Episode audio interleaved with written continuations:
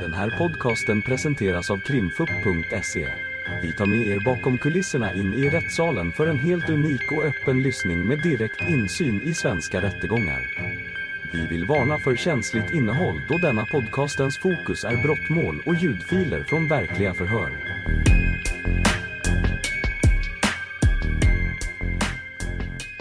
Nu är det vittnesförhör med Daniel Wiberg och det är först åklagaren som frågar. Mm. Tack så mycket. Hejsan! Hej! Jag tänkte att du skulle få börja med att presentera dig själv, alltså vad du arbetar med, hur länge du har gjort det.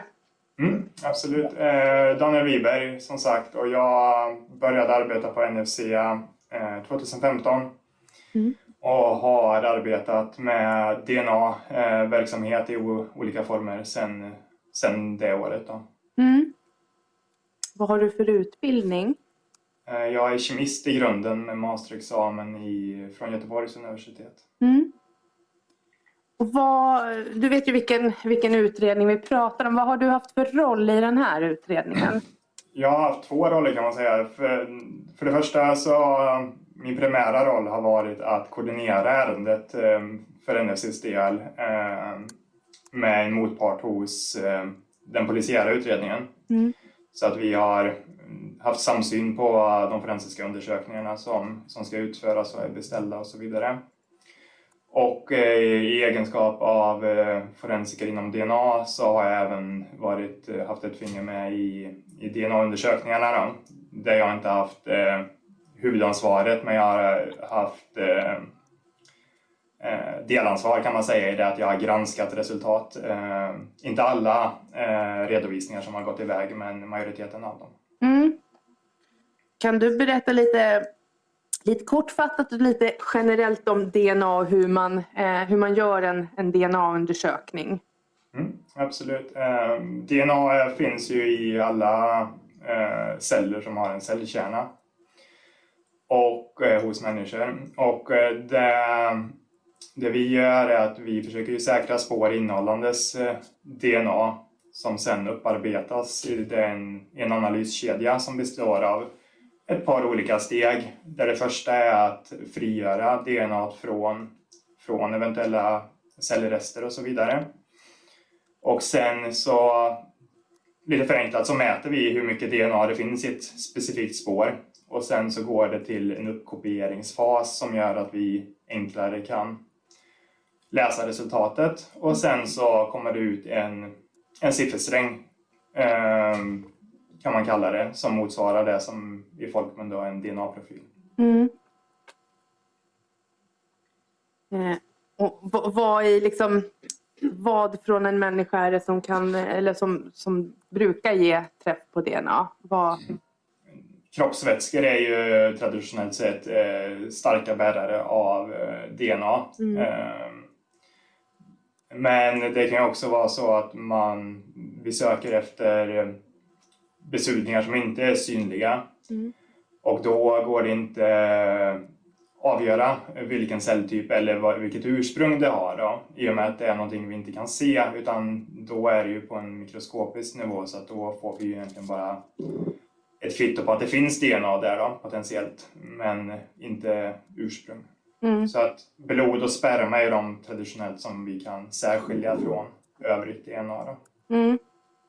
Eh, och när ni söker eh, på ett föremål efter DNA, eh, söker ni på hela föremålet eller brukar ni söka på delar av föremålet? Eh, Det beror på hur frågeställningen är ställd och vad utredningen behöver få svar på. Mm. Eh, Så att det är dels frågeställningsberoende och dels materialberoende. Mm. Kan du komma ihåg hur ni har gjort i det här ärendet? Där har ni sökt DNA på lite, det har varit lite föremål, lite kläder och, och något rep. Mm. Eh, på, om vi börjar på um, med kläder till exempel, då använder vi oss av, eh, om det inte är en väldigt specifik frågeställning, Mm. så använder vi oss av en eh, forensisk ljuskälla för att försöka synliggöra biologiska spår. Mm. Och då riktar vi in oss på områden som, som utifrån frågeställningen är relevanta. Och, eller om det är så att man vill se vem som kan ha brukat plagget så är det ju så områden som kommer i kontakt med hud som är mest relevant. Men ett föremål som då brukar vi ju kolla utifrån vad finns det för till liksom, möjliga eh, bruksytor på eh, föremålet. Och, eh, för det är ju där vi fokuserar på om det är så att vi inte ser någonting eller iakttar en besudling som vi tycker är intressanta utifrån DNA. Mm. Och när det gäller kläder, alltså om det inte är brukar-DNA, alltså den som har burit plagget utan man kanske vill se vem som har kommit i kontakt med plagget men utan att vara brukare. Är det särskilda platser ni söker på då om ni inte ser några, några uppenbara besudlingar eller, eller kan det vara var som helst? Då utgår vi utifrån händelsebeskrivning eller vad, vad man kan liksom, spekulera kan ha hänt och hur ett, ett händelseförlopp har varit. Så att eh, Det bästa är om det finns på film. Då, då kan man liksom med hjälp av filmen använda sig av och liksom begränsa ner det hela. Mm. Annars är det ju förhör eller eh, vad, vad utredningen styr oss i att man tror kan ha hänt. Då. Mm. För vi är ju begränsade till, till små ytor per prov. Eh, så då kanske man pratar om en yta på 5 gånger 5 centimeter som vi tar per spår. Så att det är, det är svårt att screena ett helt plagg på det sättet utan då måste vi begränsa oss på mm. till små ytor för att vi ska kunna få användbara resultat också för att annars så är det risk att det blir problem i andra änden att man får för mycket DNA från, från många olika ytor. Mm. Okej, så det är det som är anledningen till att man tar mindre ytor, att det blir liksom vad ska man säga, att det blir liksom ett blandresultat. Man får för mycket olika... Eh... Ja, vi vill ju ha en yta som är liksom representativt för, för just det området och tar du ett för stort område så till exempel i Alltså man tar slaget tillsammans med ärmslut. Mm. Då har man ju två områden som inte nödvändigtvis kommer i kontakt med samma DNA-avsättning mm. och då, då kan man få få problematik där i utvärderingssteget. Okay. Mm.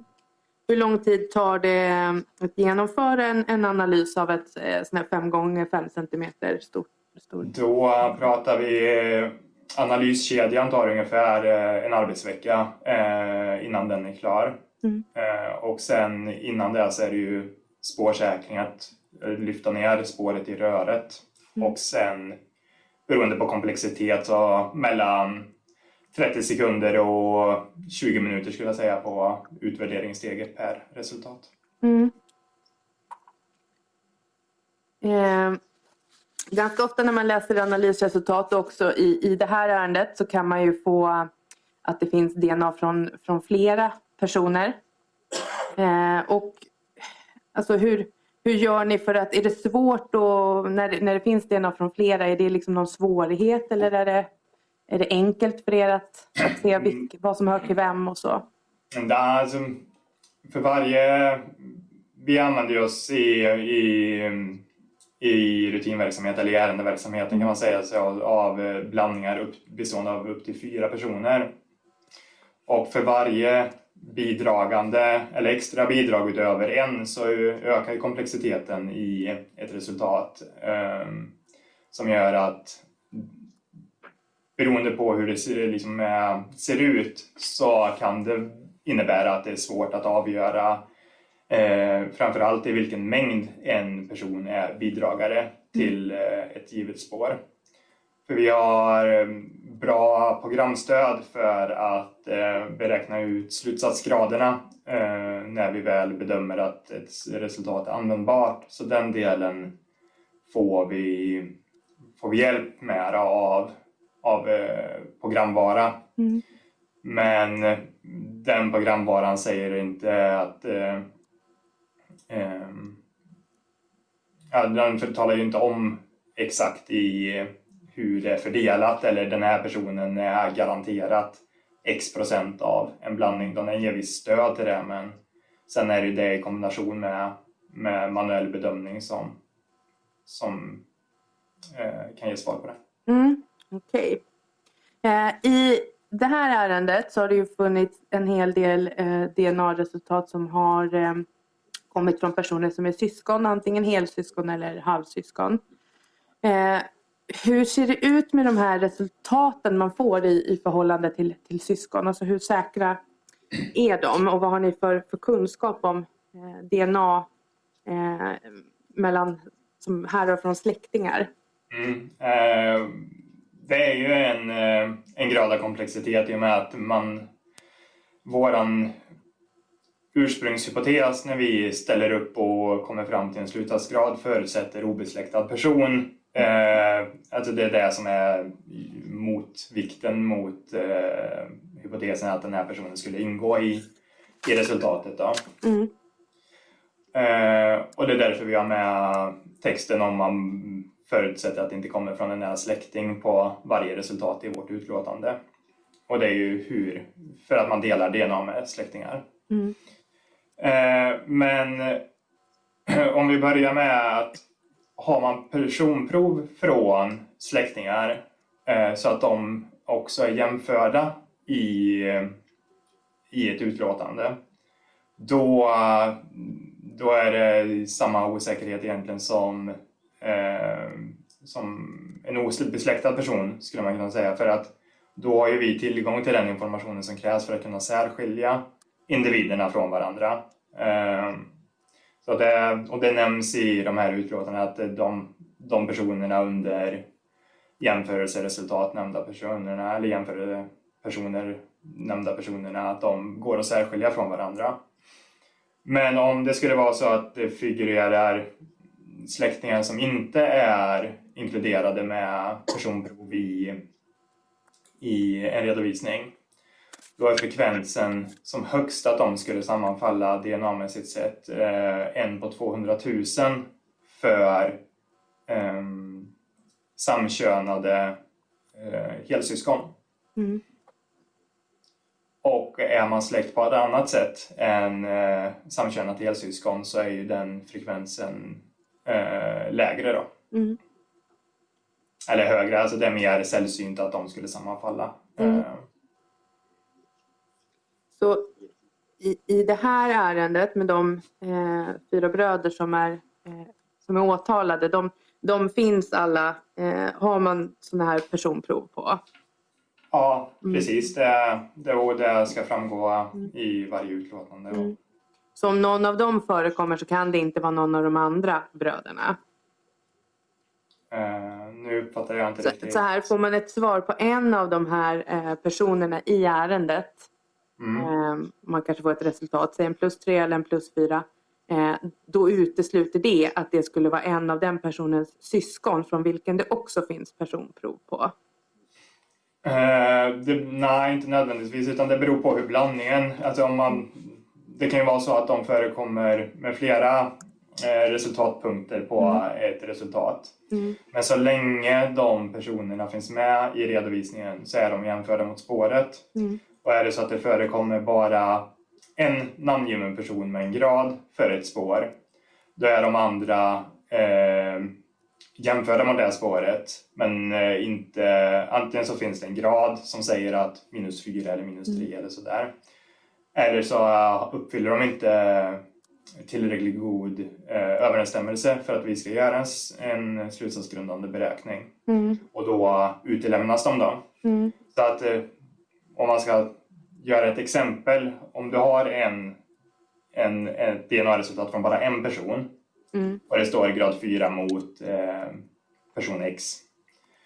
Och så har man tre bröder till person X eh, som också finns som personprov eh, i ärendet. Då är det inte då är de bortsållade i det första jämförelsesteget eh, och kan då således inte eh, vara bidragare till DNA-resultatet. Så. Mm.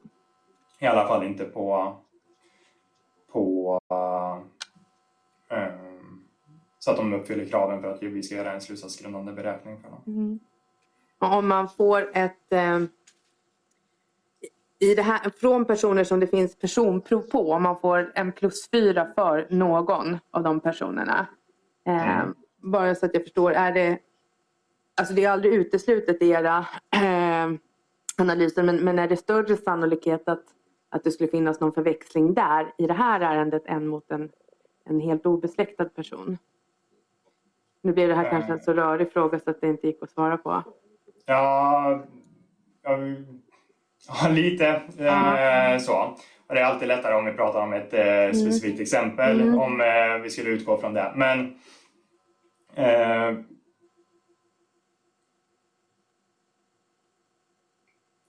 ja, jag vet inte. Skulle du kunna dra frågan igen? Ja, sen jag ska se om jag kanske har du något av analysresultaten framför dig? Jag har alla de eh, Mm. DNA-redovisningarna som har gått iväg. Och då tänker jag att jag bara väljer något utav dem. Eh, Ja, absolut, det går bra. Och sen kan vi bara...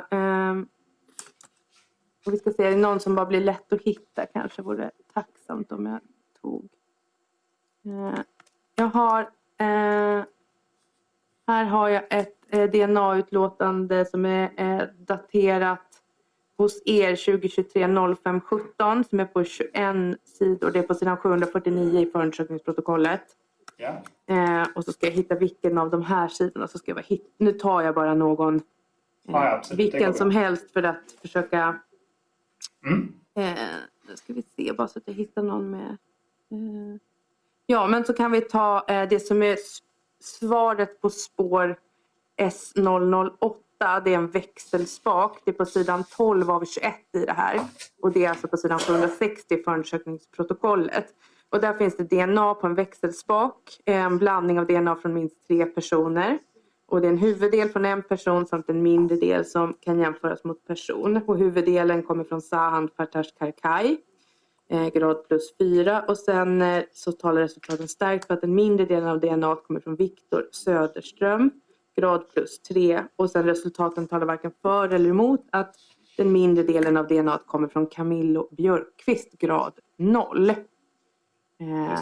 och alltså jag tänker så här, istället för att jag ställer en förvirrad fråga, kan du bara berätta en gång vad är det, vad är det man får ut av det här när det gäller de personer som inte framgår i det här resultatet? Absolut. Eh, det som har hänt här det är att DNA-utvärderingen sker i två steg. Eh, där vi först, eller ja, vi kan säga två steg och sen finns det ett par mindre steg i respektive steg. Men det som händer först är att vi kollar på eh, och bedömer om det är användbart resultat utifrån de eh, eh, kriterier eller vad vi ska säga som vi behöver uppfylla eller ha uppfyllda i ett resultat för att vi ska gå vidare. Och det är det ju i det här fallet i och med att vi har eh, redovisat resultat med jämförelse mot personer. Och sen eh, görs eh, den första jämförelsen och då ställer vi upp resultatet mot alla personer i redovisningen som då framgår på, vi se vad det är för sida, börjar på sida 7 i samma utlåtande så finns det ett antal personer. Mm. Eh, och kollar hur väl eh, överensstämmer de här personerna med resultatet. Och överensstämmer de till en viss grad, då går vi vidare och gör en slutsatsgrundande beräkning för de specifika personerna. Eh, överensstämmer man inte, då blir man bortsållad i det här steget Mm. Och eh, redovisas inte med en grad, men man är jämförd mot resultatet. Så att när man då eh, sen sammanställer det här, då är det ju de här tre individerna som du läste upp som har tillräckligt god överensstämmelse för att vi ska gå vidare och lägga arbete på att beräkna och få en mer, få det, ja, få ett resultat på slutsatsskalan då. Mm. Medan övriga personer, de, de är jämförda men redovisas inte på en grad. Och det gör vi för att vi, i och med att vi inte har gjort någon beräkning så vet vi inte exakt vart de skulle hamna. Eh, om, för det finns undantagsfall där de istället för att vara på en minus 4 skulle kunna vara på en minus 3 eller så till exempel. Så därför vi kan inte vi uttala oss om det är med personer som inte har gjort beräkningen för. Utan då, då sållas de bort i, i, liksom, i ett inledande skede. Mm. Och eh, för de personer som, om man tar då Viktor Söderström i det här exemplet som eh, skulle kunna ha, eller som har bröder i, i eh, jämförelsepersoner. Att de finns med där, de gör ju inte det här resultatet mer osäkert så. Utan den här grad plus tre som vi har kommit fram till, den, är, den, den är inte påverkad egentligen av övriga släkt i och med att vi kan särskilja på dem.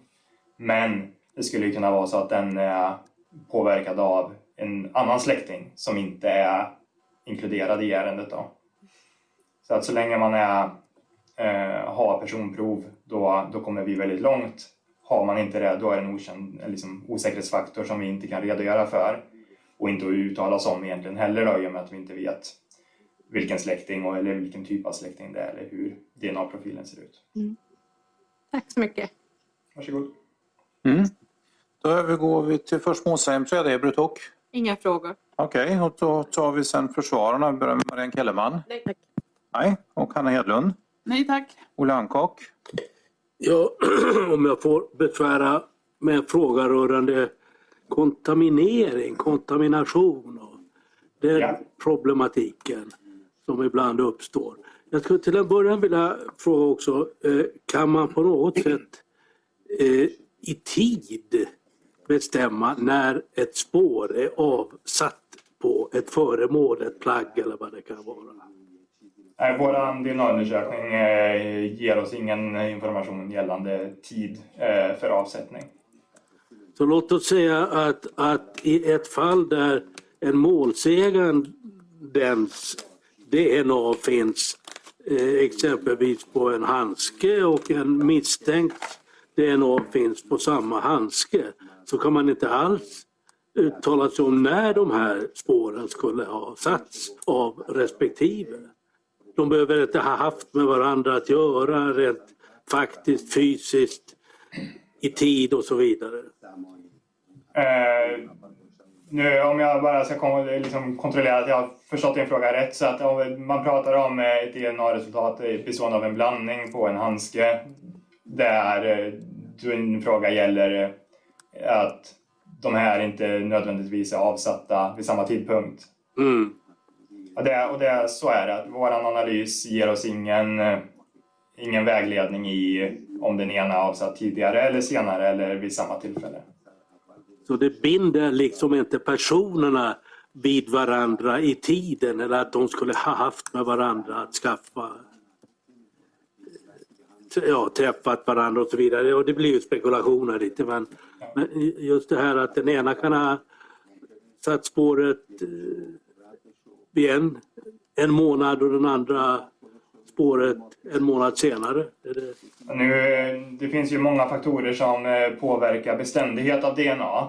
Och det, det är ju hur, hur ett plagg används då till exempel. Hur mycket DNA var avsatt från början och vad utsätts plagget för. Som avgör ifall det är beständigt över den här tiden som du liksom nämner. En månad.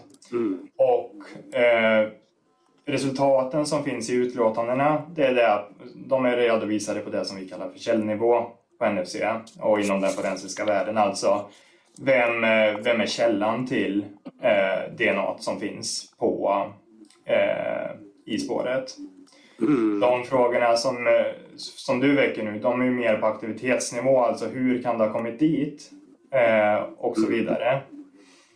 Och där, de svaren som är redovisade ger inte någon fingervisning om, om en sån fråga. Men, och för att vi ska kunna ge någon vägledning eller liksom NFCs bedömning gällande sådana frågor, då måste vi få mer kring information om vad, vilka händelser som påstås eh, och hur det här skulle liksom DNA skulle ha hamnat där.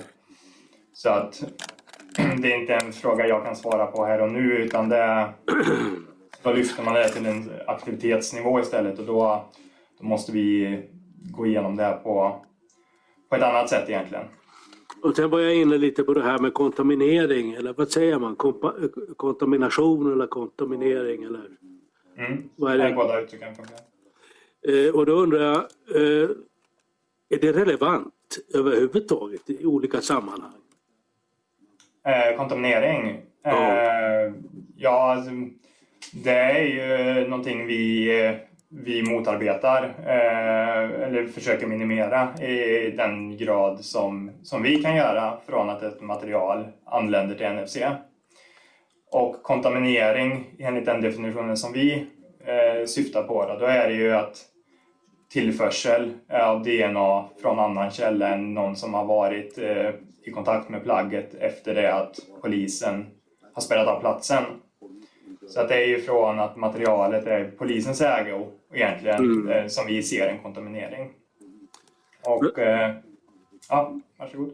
Ja, jag, jag tänkte bara den situationen att, att jag i det här, för att försöka ändå konkretisera lite min frågeställning. Det finns ju rep här i det här målet. Mm. Det känner du till.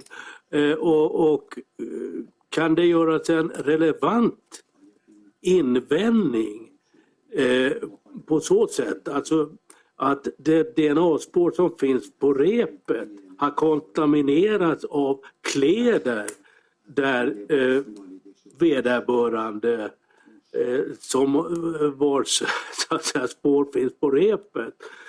Eh, kontamineras från kläder där som vederbörande burit eller befattat sig med på något sätt. Att kläderna har smittat så att säga eh, eh, repet med, med DNA från en person. Att, Ja, för att jag ska kunna svara så skulle jag önska att det blir en mer konkret fråga egentligen. ja, kring- jag förstår det. Kanske lite luddigt framställt. Ehm. Ja tack, jag har inga fler frågor. Och Stefan Wallin. Nej tack, jag, jag tror jag avböjer. Annika Nisser. Ja, tack. Hej! Hej! Eh, jag ska fortsätta lite på det spåret som du var inne på alldeles nyss. Där min kollega ställde frågor om kontaminering. Ja. Eh, jag tänkte ställa lite frågor om indirekt överföring av DNA. För kontaminering är väl egentligen något annat om man säger så.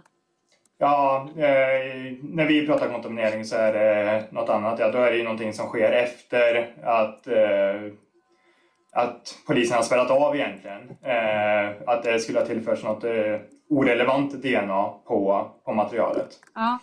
Och indirekt överföring, vill du bara lite kort beskriva vad det betyder?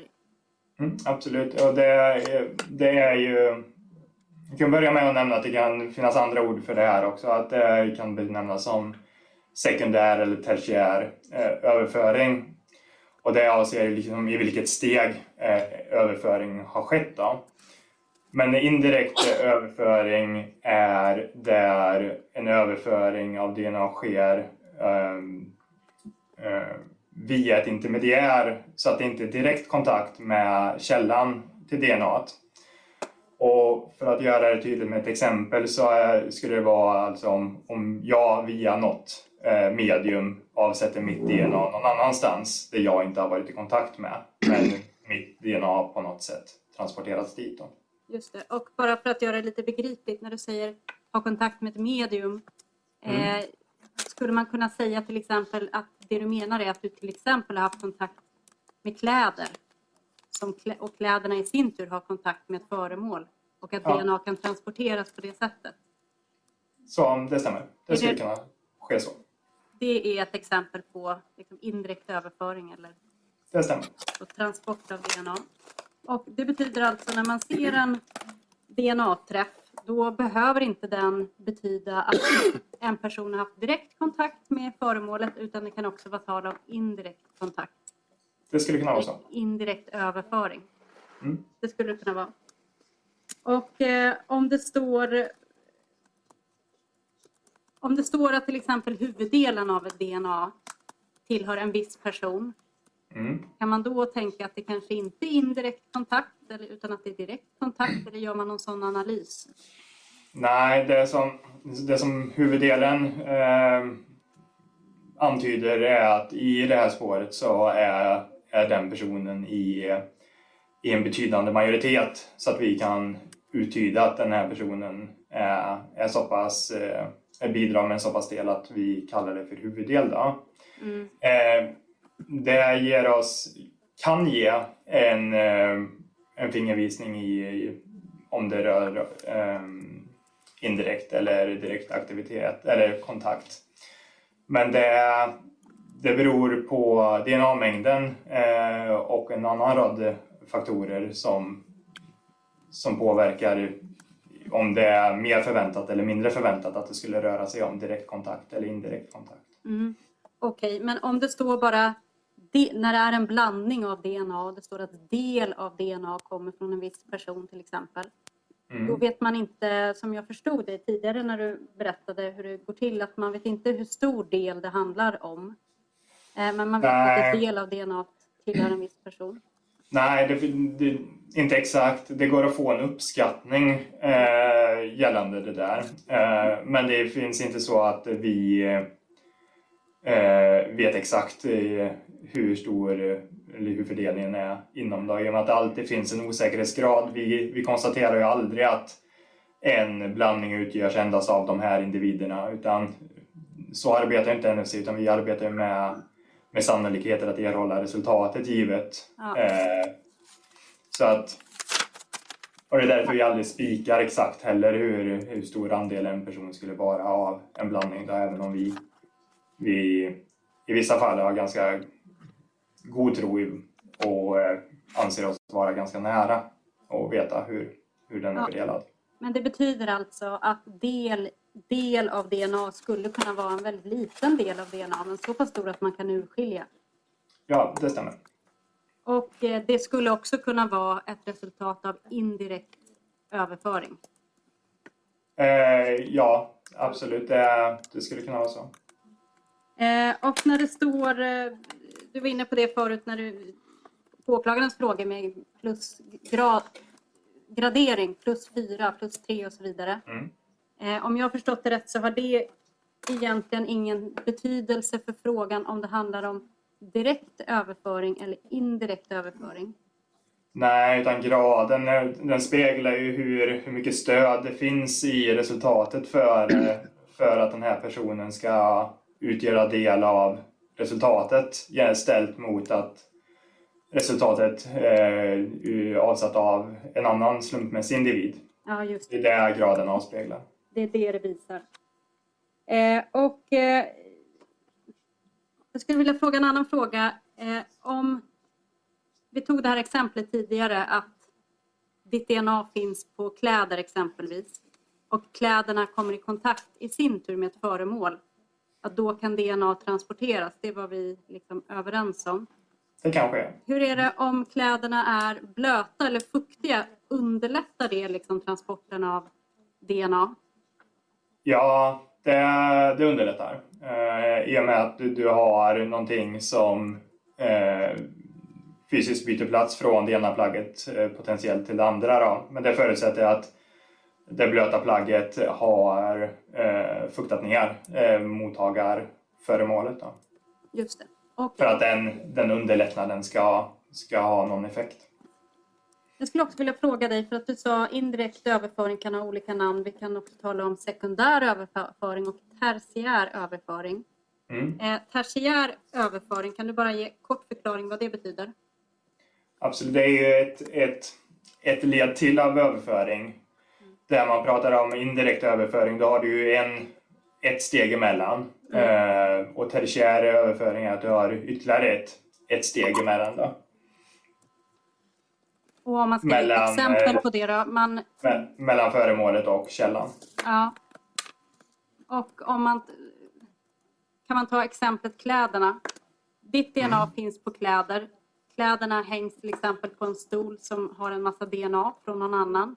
Kläderna Mm. läggs tillsammans med ett före, föremål. Kan DNA förflyttas till det föremålet då enligt den här tertiära Ja, precis. Mm. Okej.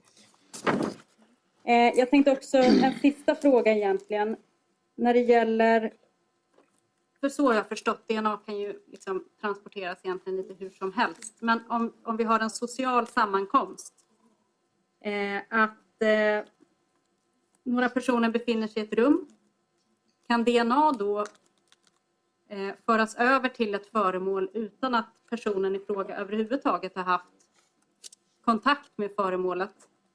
Bara av den anledningen att dens DNA finns i det här rummet. Ja, det beror... Eh, alltså, det kan ske, men det beror ju på en rad faktorer och det är, som också spelar in i det här med tertiär och indirekt eller sekundär överföring. Det är ju hur mycket DNA rör det sig om eh, som avsätts ursprungligen. Och uh, hur är kontakterna däremellan? Så att i den här sociala miljön då beror det ju på vart, vart är föremålet placerat i förhållande till, till personer. Vad finns i bakgrunden till exempel i övrigt i rummet? Vilka brukar vistas sig där? Och så att det finns en lång rad faktorer som, som påverkar hur eller om det här är, är, är möjligt eller sannolikt. Då. Men det, det kan ske, men som sagt så är det inte en så enkel fråga som att säga att ja, det är möjligt, utan det finns en lång rad parametrar som, som man behöver väga in i det där egentligen. Och, och eh, det, så är det ju såklart, och det här blir ju väldigt hypotetiskt. Men om det då är ett utrymme där en person vistas mycket, då kanske chansen är större till exempel att det finns mer DNA där som överförs. Ja, är det ett- rum eller en plats där man vistas mycket, då är det ju förväntat att bakgrunden, om man säger så, eh, av den personens DNA är högre än en plats där man aldrig vistas normalt sett. Just det. Ehm, jag stannar där tack. Mm. Frank Kellerman. Då har jag någon kompletterande fråga. Ja. Okej. Hej. Eh, till att börja med så skulle jag bara vilja fråga, visst har jag förstått dig rätt om jag säger att en DNA-bild kan väl besvara frågan på vem och var men aldrig på hur och när? Kan man sammanfatta det så? Eh, ja, i, st- i standardundersökningen så, så kan man sammanfatta det som att DNA-resultatet eh, är ju, beskriver ju vilket område det är säkrat ifrån och eh, potentiellt då vems DNA som finns där, inte när det är avsatt eller hur det har kommit dit. Ja men precis. Eh, sen så pratade ni precis om sekundär överföring, om man ska benämna det så. Förekomsten av blandbilder, är det en om man ska säga varningssignal eller chans eller risk för att det är fråga om en sekundär överföring? Eh, det jag skulle säga är eh, generellt sett så är det inte varken eller. Eh, Nej. Utan det är då i sådana fall utifrån påstådd hypotes och hur eh, blandningen ser ut eh, som kan innebära att det finns stöd eller inte för att uttala sig om det. Mm. Och när du säger hur blandningen ser ut, pratar du då om mängden av DNA i olika, Ja, från olika mängden delar? DNA bland annat och fördelningen i, i blandningen mellan personer. Mm. Men om man har ett spår där, där man har till exempel en blandbild av tre personer. Eh, man kan inte avgöra hur stor del från någon av dem och en person har man inte alls kunnat fastställa vem det är. Är det en risk eller chans för att det är en sekundär överföring? Eh, Jag skulle säga, inte säga att det är varken eller är neutralt i den frågan. Eh, Så att det, det, det, det finns egentligen inget stöd och bara genom att säga att det är en blandning att det rör sig om eh, sekundär överföring eller inte. Mm. Ja, men då har jag förstått. Tack så mycket. Mm. Är det då någon ytterligare fråga? Det är det inte? Då stänger vi av inspelningen.